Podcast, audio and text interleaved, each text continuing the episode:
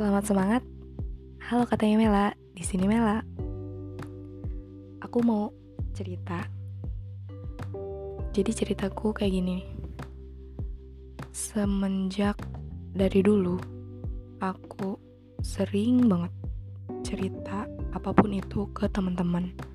Misalnya tentang perkuliahan, masalah percintaan, dan lain sebagainya.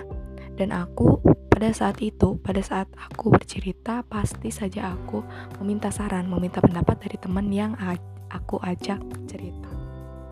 Dan bodohnya aku itu selalu mengambil saran-saran dari mereka tanpa memikirkan resiko yang akan aku hadapi. Dan sampai akhirnya aku nyadar kalau pada saat itu ketika aku sakit, aku ingat banget itu aku dapat nilai kecil.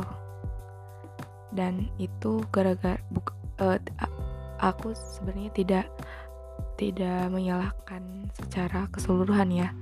Tetapi yang menyadarkan aku itu kenapa aku harus mengambil keputusan atau saran dan pendapat dari teman yang aku ajak bicara?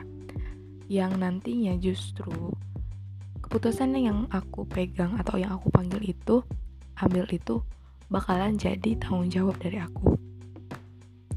Dan pada akhirnya memang tanggung jawab itu ada di pundak ini, bukan di pundak orang yang ngasih saran, ngasih pendapat, ngasih pandangan, bukan. Itu dari kita. Untuk kita, tanggung jawab kita.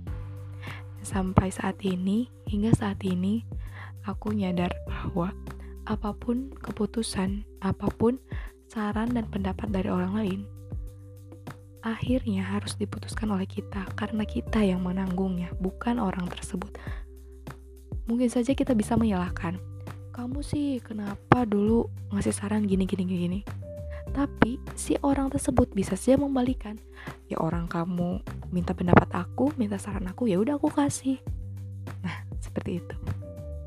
Jadi ujung-ujungnya pasti kita yang salah. Karena 好啊。